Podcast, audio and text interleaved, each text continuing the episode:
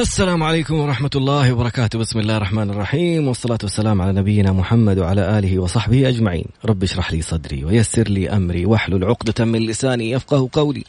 اللهم اجعلنا من الذين هدوا إلى الطيب من القول وهدوا إلى صراط الحميد. اللهم علمنا ما ينفعنا وانفعنا بما علمتنا وزدنا يا ربي علما. عسى أن يهديني ربي لأقرب من هذا رشدا. على الله توكلنا. ربنا آتنا الحكمة وفصل الخطاب. ربنا آتنا رحمة من عندك وعلمنا من لدنك علما. إنا إن شاء الله لمهتدون. السلام عليكم. اليوم يعني أحد أجمل تجارب الحياة. أحد إيش يسموها؟ أي أجمل أيام الحياة. يعني لما تكون في مرحلة أو في مكان تختلي فيه. جربت هذه الفكرة يمكن اللي يتابع في وسائل التواصل الاجتماعي يشوف تجربة الصيام حق ثلاثة ليالي صيام زكريا عليه السلام وربنا أمر السيدة مريم وإما ترين من البشر أحدا فقولي إني نذرت للرحمن صوما فلن أكلم اليوم إنسيا. في اجتماع مع أحد رجال الأعمال في مشروع ضخم ما شاء الله تبارك الله. بس طبعا ممنوع أتكلم لا اسم المشروع. أهلا وسهلا تاكي. ممنوع أتكلم اسم المشروع ولا المكان ولا أي شيء عن المكان. خلينا أتكلم عن التجربة لأنه المكان يعني بعيد يعني هو خارج آه، المنطقة وكبر المشروع جامعين فيه مستشارين والعمال اللي فيه ورجال أعمال بعض الشركاء اللي موجودين الكل موجود. أنا كنت يعني دوري إنه في لي كلمات زي تحفيزية وتطويريه وفي بعض الاستشارات بسويها. ما شاء الله لا قوة إلا بالله. بس يعني كان زي الكامبس كذا كأنه مجمع وفي آه، وحدات لكل الموجودين وفي وجبات وفي كل شيء. فالفكرة إنه قلت خليني أجرب بما إنه صار التوقيع والحمد لله إنه تم قال لي لا تتكلم قال لي لا تتكلم. استعينوا على قضاء حاجاتكم بالكتمان لما يتم الموضوع واما بنعمة ربك فحدث خلينا قدر المستطاع نخرج في الفوائد المستفادة. إيش اللي صار؟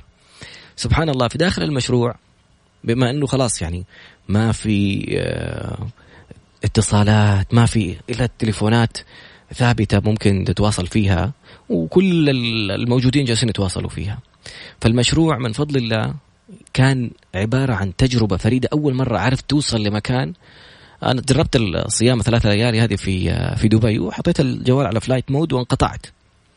لكن لما تلاقي نفسك إنه في مرحلة عمل وبنفس الوقت ما في انقطاع يعني قصدي ما في جوالات ما في social media هذب أول شيء التعامل حق ال social media اللي كان يروح فيه ساعات وهذه الساعات تعرف قيمتها إيش ممكن تسوي فيها كبديل؟ كيف ممكن تستثمرها؟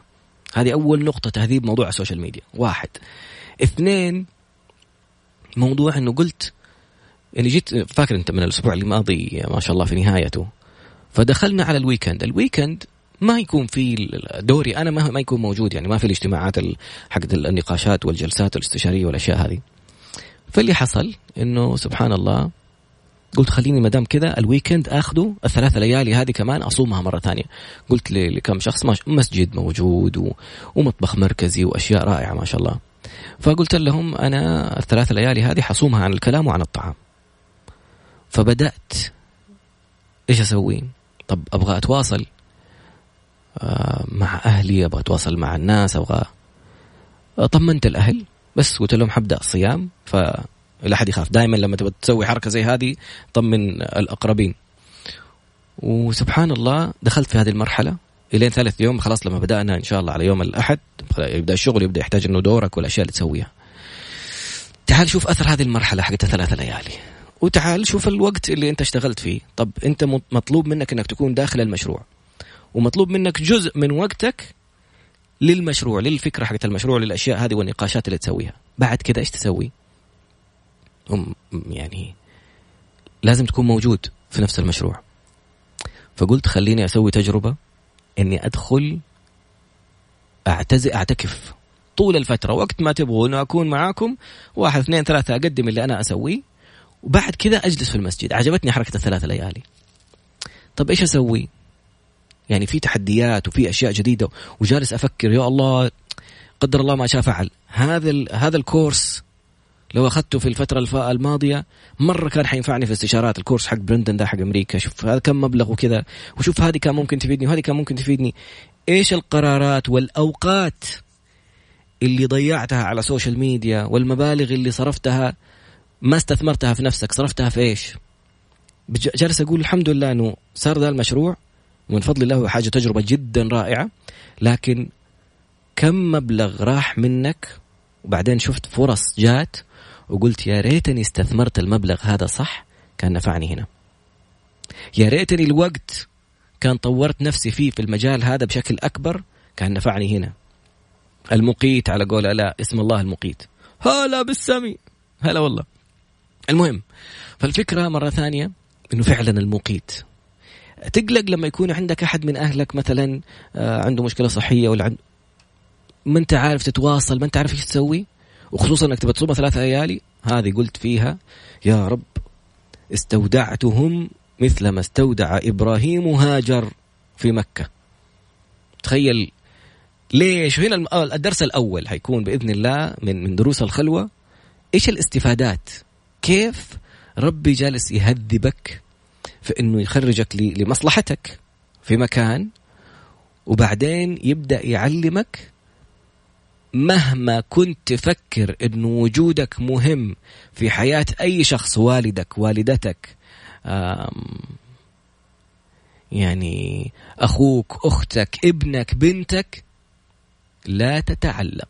الدرس الأول من من دروس الخلوه دي والاعتكاف كانت في المشروع نفسه كانت التعلق. شوف كيف ربي هذبني في الفقرة القادمة إن شاء الله. عدنا مرة أخرى ومشاركات جميلة على الانستغرام. وعودة لفكرة المشروع والتجربة حقت الرحلة الأخيرة هذه بفضل الله اللي كانت تقريبا امتدت لأسبوعين. طيب وصلنا في المرة الثانية آه، قلنا نقطة المهمة كانت أول درس التعلق. أنا إنسان متعلق بأختي بالرضاعة مثلا. جالس أقول لازم أكون موجود ولازم أكون كذا وهي إنسانة تهدى لما أنا أكون موجود وأقرأ لها وأساعدها وأكون جنبها. سبحان الله كونك موجود في في مقر المشروع وما في تواصل بجوالات وكذا ولازم التواصل يكون بمواعيد وأشياء كذا ثانية. خلاني كأنه غصبا عنك خلاص الآن تسلم. ليش غصبا عنك؟ ربنا ما يحب أحد من عباده يتعلق بأحد ثاني. شوف قصة سيدنا إبراهيم. ما كان يعني زوجته ما تخلف آه، سيدة سارة بعدين شافت لهفته على الأطفال فقالت أنه تزوج هاجر الجارية اللي كانت عندها وتزوجها وخلف منها إسماعيل. تعلق قلبه بإسماعيل عليه السلام. ربنا أمره خذ هاجر وإسماعيل وروح فيهم على مكة. صحراء ما في ولا أحد. سيبهم هناك وأرجع. لما مشي ما طل ورا سيدنا إبراهيم. السيدة هاجر قالت له الله أمرك بهذا؟ ربنا قال لك كذا؟ أشار برأسه بس أومأ برأسه إنه نعم. قالت شوف هنا اليقين يجي حقك أنت لما خلاص تكون عارف إنه ما أصلا ما اصابها من مصيبة إلا بإذن الله، إذا أنت شايف إنه وجودك في مشروع كبير ورائع وكل شيء بس انقطاعك عن الشخص اللي أنت متعلق فيه 24 ساعة ولا خايف عليه. شايف المصيبة؟ ترى ربي اللي كتب. ما أصاب من مصيبة إلا بإذن الله ومن يؤمن بالله يهدي قلبه. آمنت انهديت ربي يدلك إيش تسوي لما تلاقي إنك أنا طب أنا لازم أكون موجود لازم أنت إيش حتسوي؟ حتسوي شيء ربي ما حيكتبه؟ لا ما حتقدر اللي كتب ربي هو اللي حيصير طب حتسوي شيء أكثر من اللي ربي حيكتبه؟ لا حتمنع شيء ربي كتبه؟ برضه لا هنا فرق بين الاستسلام والتسليم أنت مسلم غصبا عنك زي ما يمسك لك مسدس أقول لك سلم نفسك. فأنت قدامك سلاح غصبا عنك. يعني مقهور كذا آه. طب سلم. تعال أهلا وسهلا. جيت أنا أنا تفضلوا. هذه أسلحتي وهذه أشيائي. أنا واثق إنك أنت إنسان رائع وحكيم و... وأكيد اللي أنت حتقوله ولا حتحكم فيه شيء حيكون جميل.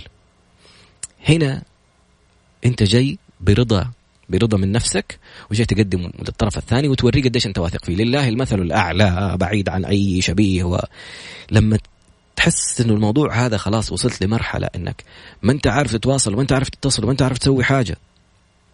وخايف بعدين تروح تسلم لمين؟ مالك الملك. قلت يا رب استودعتك أهلي مثل ما استودع إبراهيم وهاجر عليه السلام عليهم السلام. وإسماعيل. يعني زي ما استودعتهم أستودعهم في مكة. والله. بعدين إيش تسوي طيب؟ تعتبر هذه من الابتلاءات اختبارات. أنت عندك يعني أهلك أنا إنسان يعني متعلق بأمي وأبي بشكل كبير جدا. أنا لو ما أشرب قهوتي في الصباح مع أمي وأبوي ما أعرف ما يبدأ اليوم. فيعني أمك وأبوك وأختك بالرضاعة وتبى تطمن وتبى تسوي. روح واستعينوا بالصبر والصلاة. نقرأ الآية دي جدا كثير. بس في فرق بين اللي يستجيب واللي ما يستجيب. الفقرتين القادمتين هي فكرة هل أنت حي وفكرة استعينوا بالصبر والصلاة. حسيت نفسي فيصل الكاف اليوم ما شاء الله. لكن بجد يعني أول شيء التعلق ربنا يحطك في مواقف عشان غصبا عنك تبعد تعلقك. أحد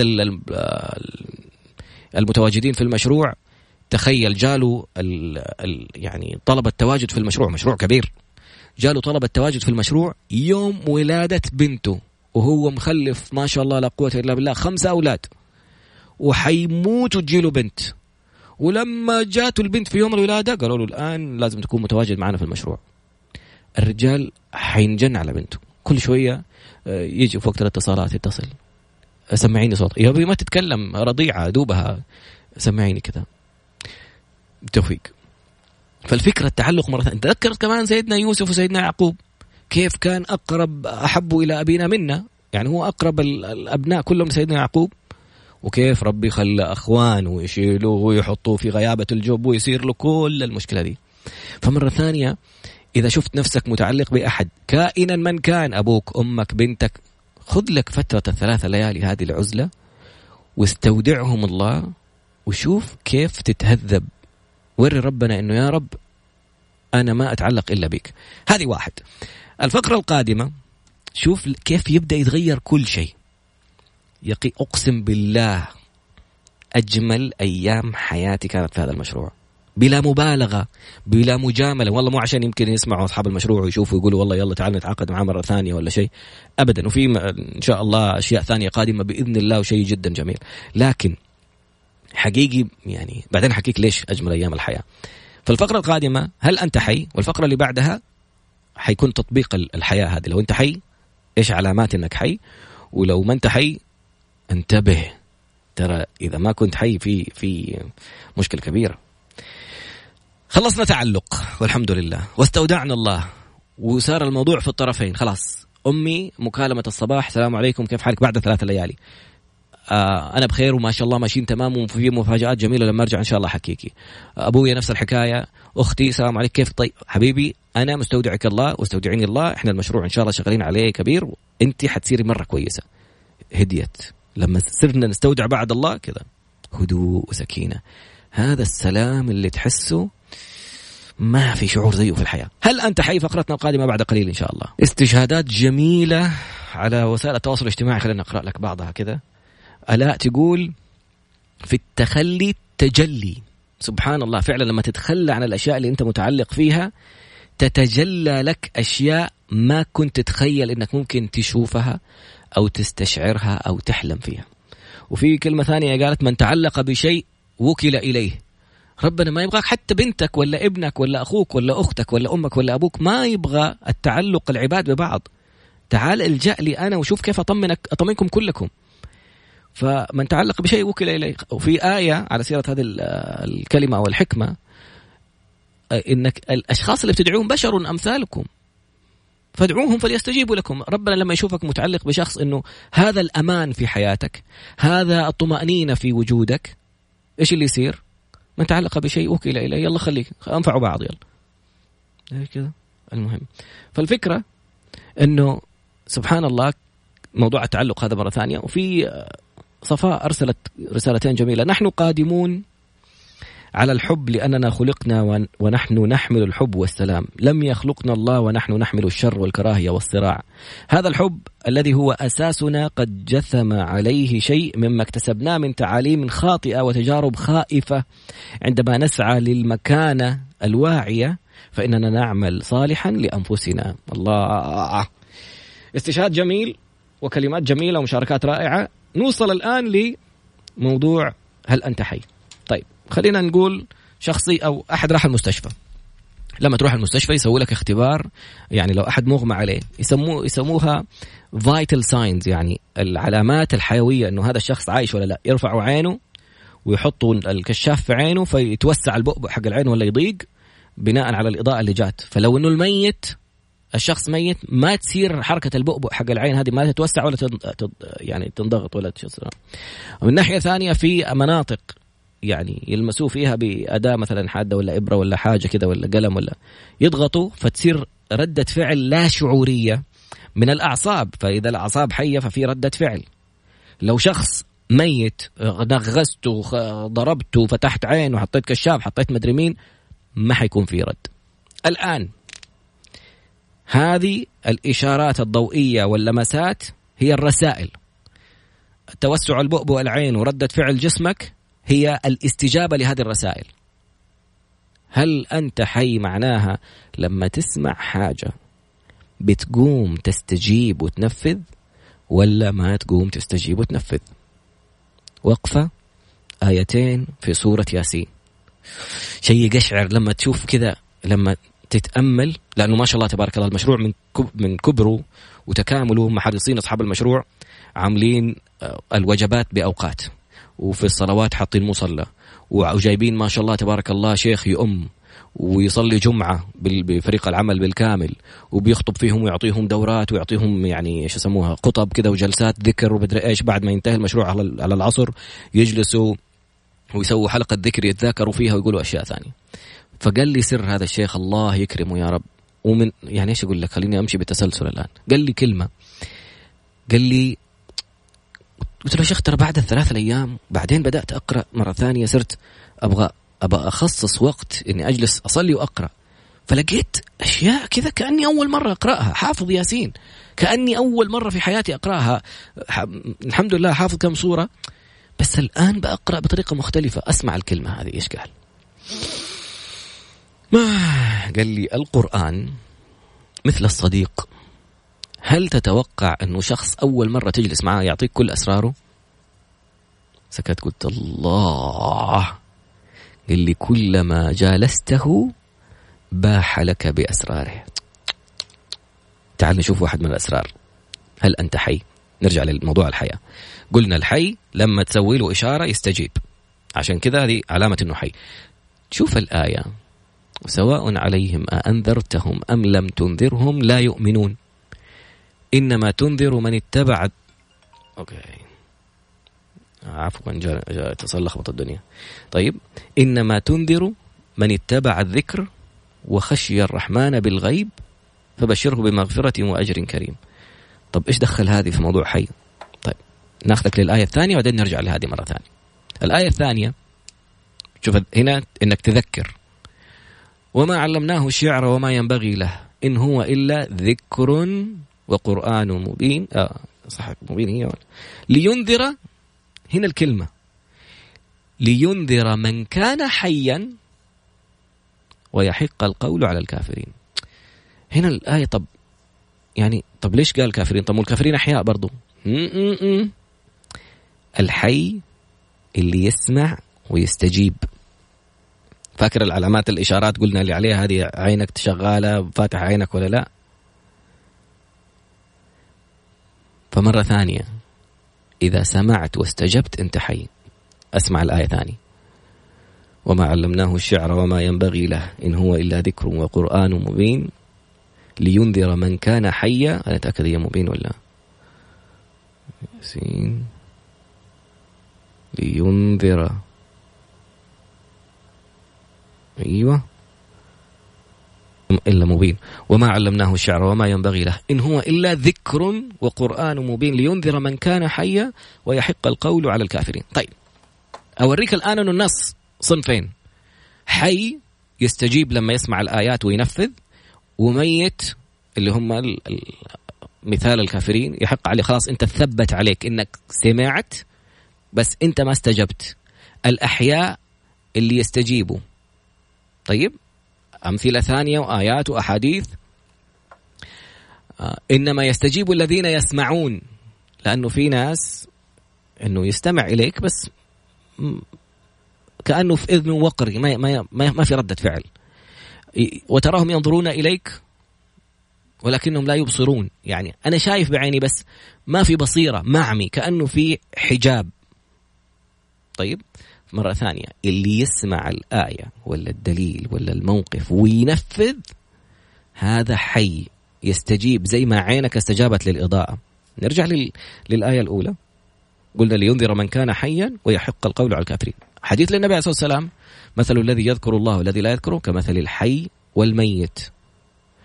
آه كمان آيات ثانية. نسيت الدفتر حقي أجيبه واستجيبوا لله والرسول إذا دعاكم لإيش؟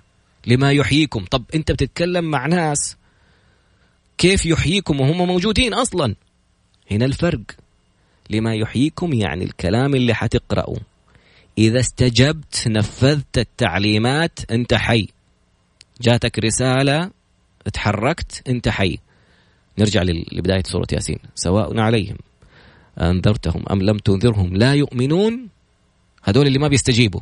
إنما تنذر من اتبع الذكر وخشي الرحمن بالغيب. هذه العلامات حقت إنك صرت حي ولا ما صرت حي؟ صرت حي يعني تستجيب اتبعت الذكر سمعت آية قمت تنفذ على طول. أنت حي. وإيش كمان العلامة الثانية؟ إنما تنذر شوف هناك من اتبع إيش قلنا؟ إن هو الا ذكر وقرآن. فتنذر مين؟ إنما تنذر من اتبع الذكر وخشي الرحمن بالغيب. فبشره بمغفرة وأجر كريم. شوف البشارة. إنا نحن نحيي الموتى. هذول اللي عايشين وبيسمعوا وما يستجيبوا وينفذوا كأنه ميت. إنا نحن نحيي الموتى. أنا ما بتكلم عن عن إحياء موتى. ماتوا ماتوا. بعدين حرجع أحييهم مرة ثانية. والدليل شوف الآية. نكملها. إنا نحن نحيي الموتى ونكتب لسه بنكتب يعني لسه في أعمال يسووها. لو كان يوم القيامة انتهت الأعمال. لو كان الإحياء حق يوم القيامة خلاص حيطلعوا للحساب. بس هذا الإحياء حق الناس اللي سمعت قرآن ولا آية ولا دليل وقام نفذ وتحرك وبتغير العلاقة بينه وبين الله في الخفاء. أرجع أعيدها واحدة واحدة. سواء عليهم أنذرتهم أم لم تنذرهم لا يؤمنون. هذول مين؟ اللي ما بيستجيبوا. طيب؟ إنما تنذر مين اللي حيستجيب؟ من اتبع الذكر سمعت آية قمت نفذت على طول. وخشي الرحمن بالغيب. هنا تف الفرق المفصلي.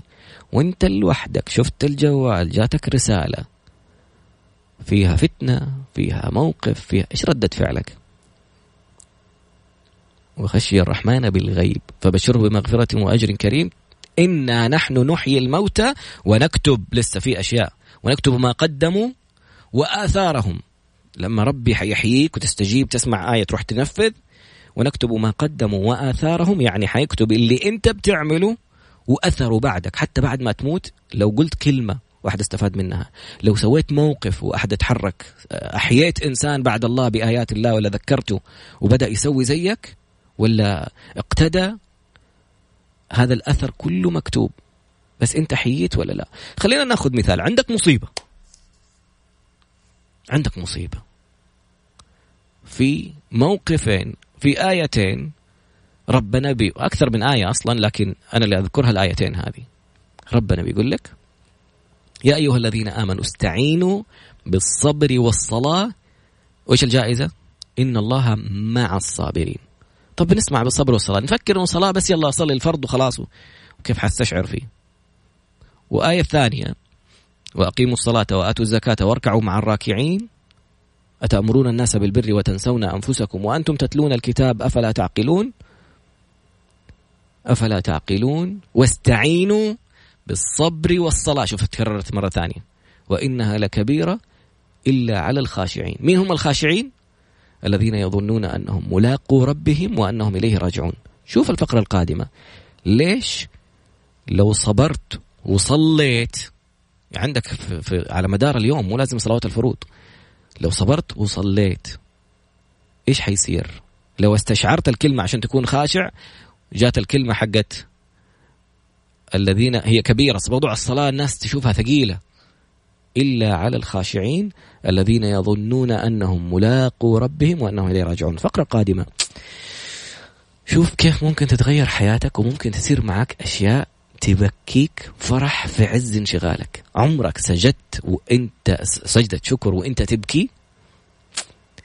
احكي لك الفقرة القادمة إن شاء الله. عودنا مرة أخرى وصلنا إلى كيف ممكن بعد الخلوة تبدأ تشوف نفسك أنت حي ولا لا؟ تبدأ تقرأ الآيات بطريقة مختلفة. أول مرة تنتبه لآية جالس تقرأها وحافظها وتقرأها في ياسين وتقرأها في كل مرة. بعدين تكتشف إنه الحياة ما هي مجرد إنه أنت حي جالس تاكل وتشرب وتنام. الحياة إنك تسمع وتستجيب في استجابة ردة فعل. فلما تسمع الآن هذه الآية واستعينوا بالصبر والصلاة وإنها لكبيرة إلا على الخاشعين. مين الخاشع؟ الذين يظنون أنهم ملاقوا ربهم وأنهم إليه راجعون. نوقف شوية نعطي مثال عشان نوضح الصورة. تخيل إنك مبتعث والملك سلمان قال سووا مبنى لكل المبتعثين في كل جامعة أعملوا لهم غرفة وحطوا لهم فيها كاميرات. كل يوم اللي يبغوه يكلموني على مدار اليوم خمسة مرات في اليوم يدخلوا كل واحد يقول اللي يبغاه كله يحضر. عشان حشوفهم عشانهم ما أنا ما أبغى منهم شيء أنا اللي مبتعثهم. عشانهم يكلموني يقولوا الأشياء اللي يبغوها. وفي آلية الكلام موجودة في الكتاب. امسكوا الكتاب ده شوفوا كيف تتكلموا معايا. قولوا واحد اثنين ثلاثة. البنات عشان لا يصير زحمة ويكون في نفس المبنى في كل جامعة خليهم يكونوا من من غرفهم من بيوتهم يدخلوا على سكايب ولا يدخلوا على زوم ويدخلوا ويتكلموا في نفس الأوقات. okay؟ ولما تتخرجوا يا جماعة كلكم الطلاب تعالوا لي القصر أنا حاحتفل فيكم. لله المثل الأعلى. صلوات ربنا شايف كل واحد بيصلي. الإحسان أن تعبد الله كأنك تراه بعد المرتبة الأقل فإن لم تكن تراه فإنه يراك. أنت لما تحس أنك فعلا بتطالع كأنك شايف عرش الرحمن زي الحارثة الصحابي لما جاء شافوا النبي معتكف في المسجد وشوف فين فين المكان؟ قد ما تجلس قد ما تصلي وتقرأ قد ما تقرب من من الإحسان الجزء العلوي من الإحسان كأنك تراه. النبي قال له ما بالك يا حارثة؟ قال يا رسول الله زهدت في الدنيا. إني وكأني أنظر إلى عرش الرحمن والجنة عن يميني وأهلها يتواصلون والنار عن عن شمالي وأهلها يصطرخون. كل واحد يصرخ على الثاني وجالسين يستنجدون. في غزوة أحد استشهد آه، الحارثة فجاءت أمه قالت يا رسول الله أهو في الجنة فنفرح أم في النار فنحزن ونبكي؟ قال بل هي أعلى الجنة بما معنى الحديث. أعلى الجنة الفردوس وقد أصاب أعلاها. يعني بيقول لها هي جنان هي أكثر من جنة وقد أصاب أعلاها في الفردوس الأعلى. فلما هذه الأشياء اللي توصل إنك تبدأ تتكلم كأنك واقف قدام ربنا. هنا مرة ثانية شفت المثال اللي قلنا عليه المبتعثين؟ لما أنت تكون حاسس إنك واقف تتكلم مع الله وأعطاك الكتاب اللي تقرأ منه والطريقة اللي تتكلم معاه فيها بآياته. وبعدين أنت عارف إنه لما يخلص الابتعاث هذا في الأرض حيرجع يقابلك في مملكتك مرة ثانية. ترجع المملكة زي ما المبتعثين يرجعوا بلدهم للمملكة ويروحوا عند قصر الملك. انت حتروح عند عند الرحمن وحيقابلك. فالطالب اللي ما له نية يرجع يقول لك يا عمي أنا حروح وأجلس أتكلم ومدري مين. طبعا أنا أصلا كذا كذا ماني راجع. لا لا أنت راجع. فاللي عارف نفسه راجع يبغى يضبط علاقته مع الملك. أنا راجع حقابله لله المثل الأعلى. لما تكون واقف قدامه وعارف حاسس ده الإحساس حق إنه شايفك يعني إحنا قلنا في المثال الأول مو لازم تكون أنت شايف الملك هو شايفك. بس لو أنت واقف هناك في الجامعة وحاسس إنه بيطالع فيا عارف إنه هو بيطالع فيا وسامعني كل الشاشات والكاميرات علي. لله المثل الأعلى. أنت واقف بتصلي لو قلت الله أكبر وحاسس إنه فعلا شايفك وعارف إنك حترجع وحتشوف كل أعمالك ومنها الصلاة هذه اللي أنت جالس تصليها. كيف تبغى شعورك يكون؟ مو بس الصلاة. حتشوف ووجدوا ما عملوا حاضرا ولا يظلم ربك أحدا. حترجع تشوف كل شيء سويته. قدامك مشهد كذا وإنت ساكت ما أنت قادر تتكلم يدك تقول عملت ولمست وفعلت رجلك تقول مشيت وفعلت وكذا. كل شيء اليوم نختم على أفواههم وتكلمنا أيديهم وتشهد أرجلهم بما كانوا يكسبون. والموقف الثاني ما لهذا الكتاب في سورة الكهف؟ لا يغادر صغيرة ولا كبيرة إلا أحصاها ووجدوا ما عملوا حاضرة. كل أعمالك جالس تشوفها. وإنت بتمر على الآيات تبدأ تقرأ. والآية الثانية خلينا نقول إذا إذا سويت هذه عشان تخشع أنا صرت إيش أقول الدعوة؟ أول ما أكبر اللهم إني ملاقيك أنا في لقاء معك يا رب. وإني إليك راجع. الذين يظنون أنهم ملاقوا ربهم وأنهم إليه راجعون. اللهم إني ملاقيك وإني إليك راجع فاجعلني من الخاشعين. يعني خليني أخشع أبغى أحس فعلا أن أنا واقف قدامك. ليش؟ لأنك لو سويت هذه تعال شوف الآية الثانية. يا أيها الذين آمنوا استعينوا بالصبر والصلاة إن الله مع مع الصابرين. لما تصلي تصلي تصلي تصلي تبدأ تحس أنه معاك معاك معاك معاك. الإحساس يا والله والله يعني ممتع لدرجة البكاء. ممتع لدرجة إنك شفت لما قال في الفقرة الماضية لما قال القرآن كصديق ما حيفتح لك أسراره الين ما تطول معاه وتتكلم معاه. كل ما قرأت كل ما قرأت تلاقي نفسك إنه يا ناس أنا لي هذه الآيات جالس أقرأها أخذتها ورد وجالس أقرأها. والله يجزاه خير أبو عمر الشيخ اللي هناك كان موجود. علمني حاجة قلت له والله يا شيخ عمر أعرف إنسانة متآذية يعني الظاهر مسحورة ولا معيونة ولا بتتآذى دائما تشوف كوابيس دائما قال لي علاجها في هذه الأربعة أو الخمسة صور في الفقرة القادمة. فأنا صرت أقرأ الخمسة صور هذه بشكل يومي وأقول بنية إن شاء الله إنه شفاء فلانة. تعال شوف آخر يوم بعد 14 يوم. صرت أمسك المصحف أتني الصفحة من فوق. أقول أنا كيف كيف كنت أقرأ كل الآيات هذه نفسها؟ كنت أقرأها أقرأها أقرأها. ليش الآن جالس أشوف أشياء مختلفة؟ كيف كيف الربط؟ كيف هذه هذه جت مع دي؟ وهذه معناها هنا تفسيرها وهذه كذا. توصل لمرحلة إيش قال لك؟ واستعينوا يا أيها الذين آمنوا استعينوا بالصبر والصلاة إن الله مع الصابرين. إيش ما كانت مشكلتك؟ أوقات النهي بعد صلاة العصر إلى صلاة المغرب. قبل الظهر بعشر دقائق هذا وقت نهي بس. ومن بعد الفجر إلين طلوع الشمس. باقي الأوقات كلها أوقات صلوات. روح أوقف وامسك المصحف. في البداية الشيطان حيقول لك حتجلس تقرأ الوقت هذا كله. حتجلس. إيش مشكلتك؟ وقف وشوف العجب في الحلول. فالفقرة القادمة إن شاء الله ما هي الصور التي تعالج اي معيون أو مسحور أو محسود أو مدري مين؟ في الفقرة القادمة. والله يا أخي إيش أجلس أحلف لك كثير. تصدق ولا أحلف لك؟ أستغفر الله العظيم. بس الفكرة في الفقرة القادمة إذا عندك أحد قول له يسمع الحلقة ويشوف العجب. بسم الله. والله أفكار جميلة وتفاعل رائع. حتى أمي نزلت الرابط حق Mix FM اللي يبغى يسمعنا على الراديو شايف إنه آه، الإرسال يقطع في في الإذاعة في السيارة. أدخل على ال website Mix FM SA dot com M I X F M SA dot com تفاعل جميل. بس خلينا نلحق نخلص باقي الأشياء عشان أعرف إنه كثير من الناس عندهم مشكلة في موضوع الحسد ولا السحر ولا المس ولا الاشياء هذه كلها ويحتاجوا يعرفوا هذه المعلومة.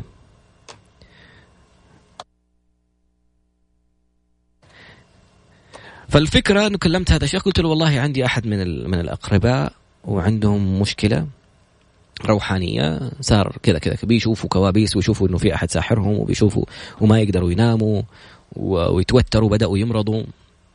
قال لي هذه الأربعة والخمسة صور. الأولى الأعراف. هذه من من الطوال يسموها السبعة الطوال. آخر صورة من الصور الطوال اللي توصل لل 200 آية. قال لي الاعراف ميزتها إنك أنت ما تقدر تروح يعني لا تيجي تمسك شخص وتعاقبه بدون ما تنبهه. فهذه السورة فيها قصص كل الأنبياء وما حصل في أقوامهم.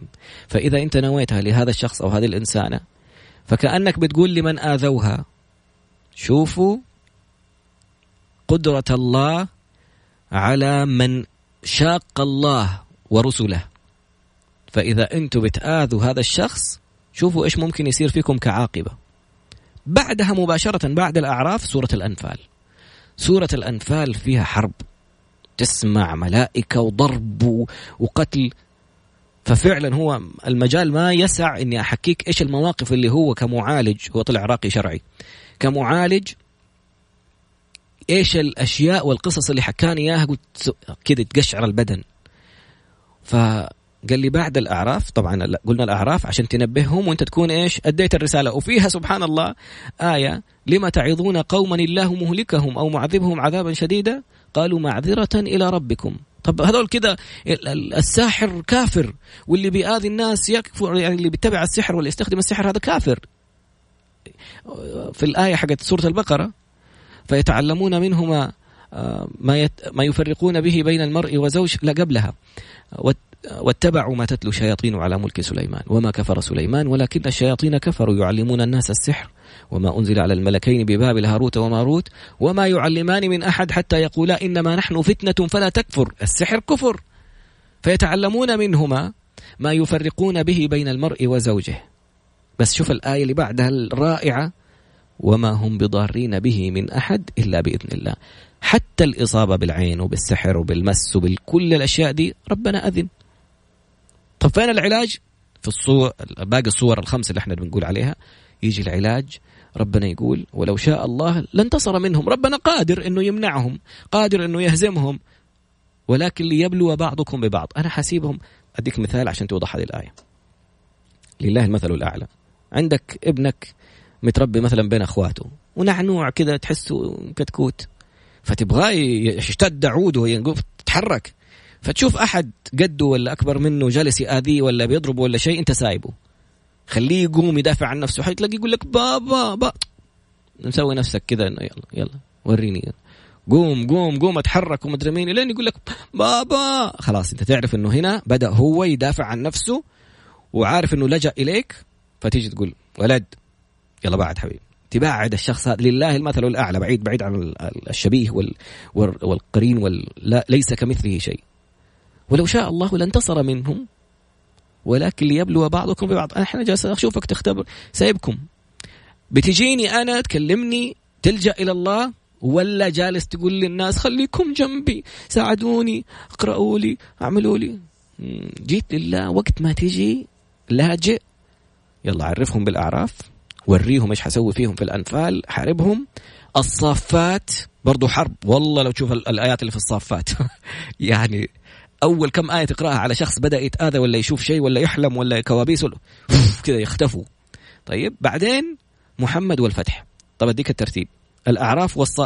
والأنفال جنب بعض. أديتك تنبيهات بعدين حاربتك بالأنفال. الصافات فيها وصف للملائكة اللي بتنزل وتقتل وتعمل ومدري مين.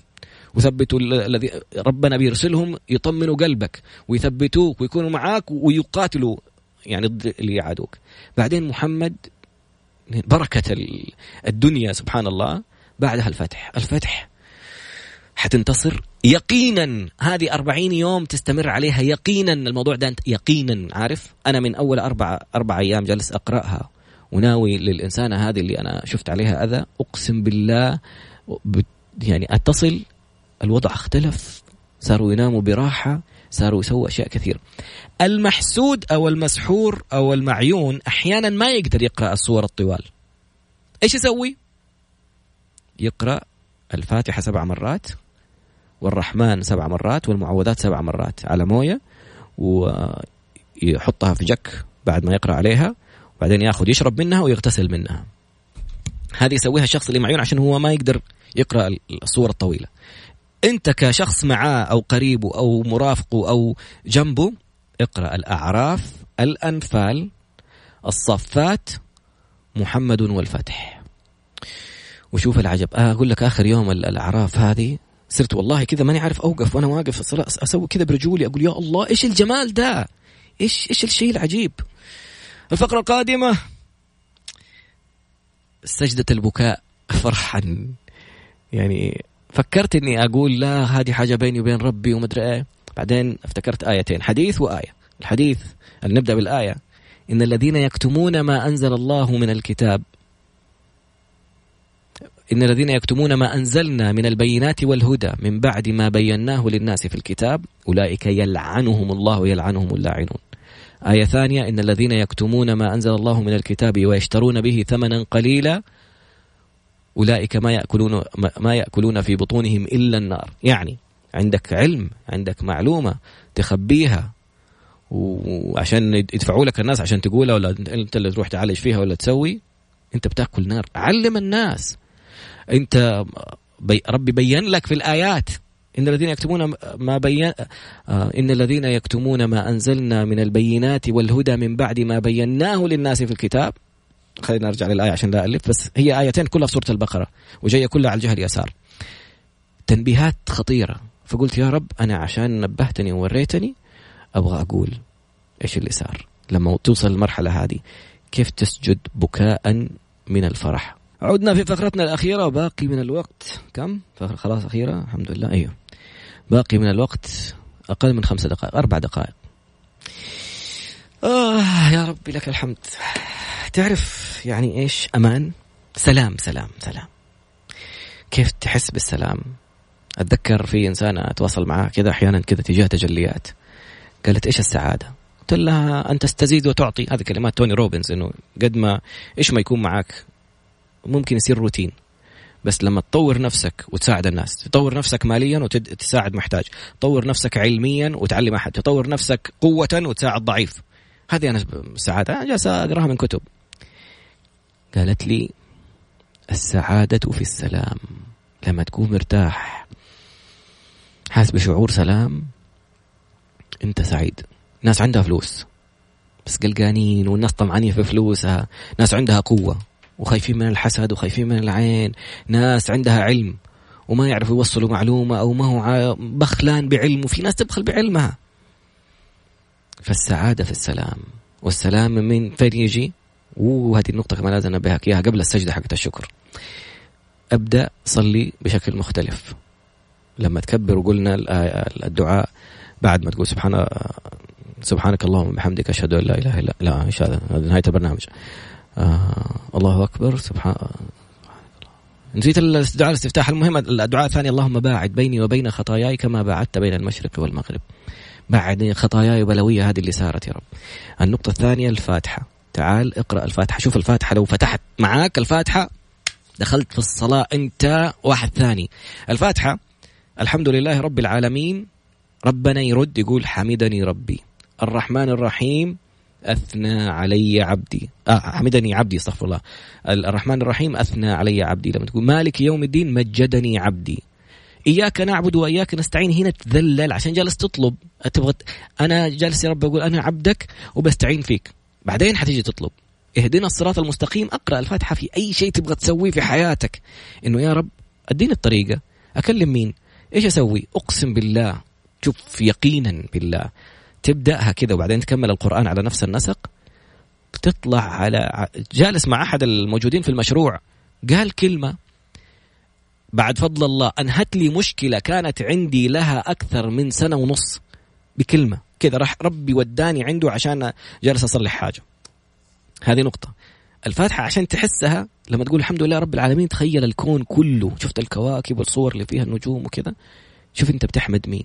الرحمن الرحيم الناس اللي يكون عندها ملك أحيانا يتكبروا كذا بعد كل هذا الملك وربنا يقول لك الرحمن الرحيم. أنا الرحمن الرحيم.